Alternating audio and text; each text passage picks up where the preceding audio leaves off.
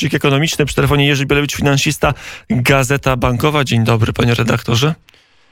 E, dzień dobry panie redaktorze, dzień dobry państwu. E, mamy dwie informacje, żeby dzisiaj omówić e, w, naszym, w naszej kronice ekonomicznej. Pierwsze dane opublikowane przez Komisję Europejską.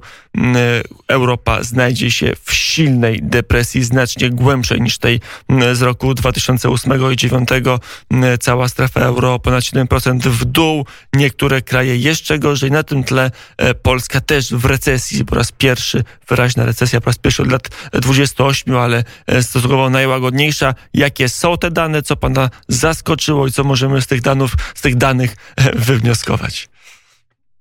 Właściwie zaskoczenia to nie było, dlatego że y, no, wszystko wskazuje na to. Mamy y, nawrót pandemii y, w niektórych krajach. Wszystko wskazuje na to, że dane będą się pogarszały i te przewidywania zarówno Komisji Europejskiej, jak Międzynarodowego Funduszu Walutowego, innych organizacji są coraz, coraz gorsze i, i, i te należało się tego spodziewać. No rzeczywiście yy, spadek PKB yy, w wysokości prawie 9% w strefie euro to jest niespotykane i nie mieliśmy z tym nigdy do czynienia. Ale ja bym dodał tutaj coś, co komisja pominęła, a mianowicie nierównowaga w strefie euro, która się pogłębi między na przykład Niemcami a krajami południa Europy. Gdyż e, w związku z wydatkami związanymi z koronawirusem, takie kraje jak Włochy e, i Hiszpania, a także Francja, popadną bardzo w długi. E, te długi w przypadku Włoch mogą sięgnąć nawet 160% na koniec roku a w przypadku Hiszpanii i Francji 130% PKB. No to już są poziomy zadłużenia, które można określić jako nie do spłacenia. Natomiast y, Niemcy, które wchodziły y, w, y, w tą recesję ze zrównoważonym budżetem, zresztą podobnie jak Polska, i z dużymi zapasami gotówki stać było na olbrzymie wydatki budżetowe, które wspomogły e, ekonomię niemiecką, więc e, ona wystartuje o wiele szybciej i sprawniej w przypadku odbicia niż właśnie kraje, gospodarka krajów południa Europy, które nie miały po prostu pieniędzy, żeby stymulować gospodarkę i nie mogły tego uczynić z budżetu. Sumy wydawane przez Niemcy na rozruszanie y, gospodarki z budżetu są kilkadziesięciokrotnie większe niż y, sumy, na które stać Włochy, Hiszpanię czy Francję. A Włochy i Niemcy to przecież kraje o podobnej liczbie ludności. Więc y, ta dysproporcja między krajami w strefie, w strefie euro bardzo się zwiększa i ona będzie powodować napięcia finansowe, gospodarcze, ale też polityczne i społeczne. Więc nie wygląda to dobrze, e, gdyż e, no, jeśli jeszcze do tego dodamy, że e, z końcem roku może być nawrót pandemii, na, nawrót epidemii w krajach europejskich, notabene również w Polsce.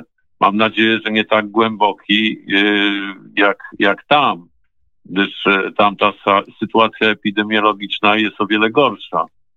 E, jeśli będzie nawrót pandemii, to te dane jeszcze będą się, przewidywania i prognozy jeszcze bardziej będą się po, e, pogarszały.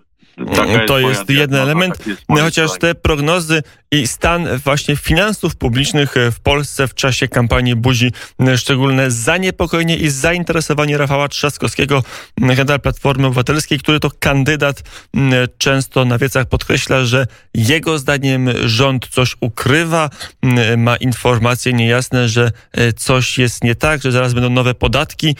Dzisiaj Ministerstwo Finansów opublikowało wpływy budżetowe za okres e, styczeń No właśnie, czerwiec no właśnie, wzrost jest wydatków, czy dochodów nieznaczny, no 3% więcej wpłynęło do budżetu państwa niż w analogicznym okresie w roku ubiegłym. Dzisiaj już Rafał Trzaskowski nie insynuuje, tak chyba trzeba powiedzieć, że budżet jest w rozsypce, aczkolwiek tarcze rządowe no, coś kosztowały.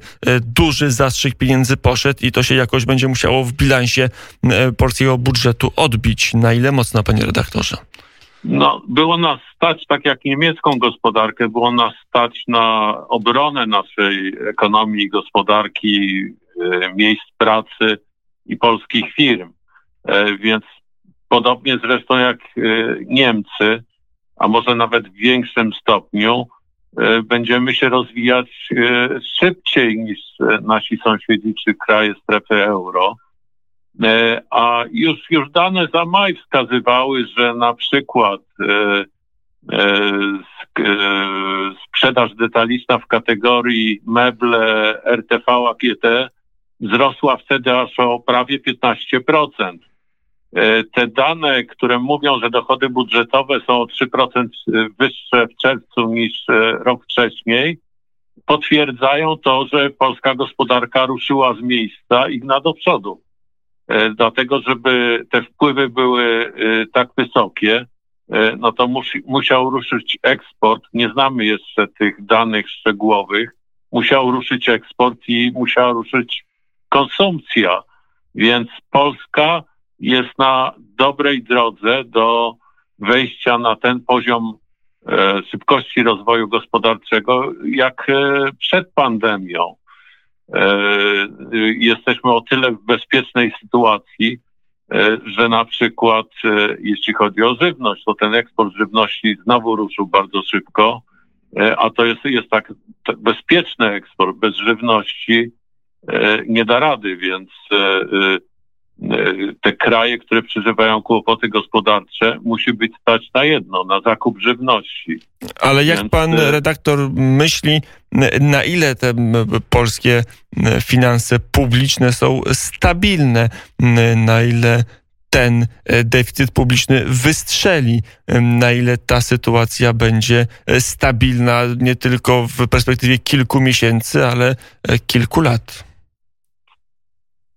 No, muszę tu zrobić zastrzeżenie, że to wszystko jednak zależy od tego, jak będzie się rozwijała pandemia, zwłaszcza czy będzie ten nawrót pandemii E, na jesieni. E, te przewidywania i prognozy zakładają, różnych instytucji zakładają, że taki nawrót nie będzie miał, jeśli już, to nie będzie miał znaczącego wpływu gospodarczego. E, więc przy takim założeniu na przykład Bloomberg podaje, że na koniec 2022 roku nasze PKB będzie większe o 5% niż PKB przed pandemią. E, podczas gdy na przykład PKB strefy euro będzie ciągle jeszcze mniejsze e, o 2% na koniec 2022 roku. Więc e, to, to jest gdzieś te 7% albo dwa razy szybciej, jeśli chodzi o szybkość wzrostu PKB, no to jest ta nasza taka średnia. Więc my teraz bardzo szybko gonimy yy, inne kraje Unii Europejskiej i paradoksalnie ten pogoń za nimi jest jeszcze bardziej wyrazista i znacząca w kryzysie związanym z koronawirusem. Powiedział Jerzy Bielewicz, finansista, publikujący przede wszystkim na łamach Gazety Bankowej. Panie redaktorze, dziękuję bardzo za rozmowę. To ja bardzo dziękuję. Do widzenia. Do usłyszenia.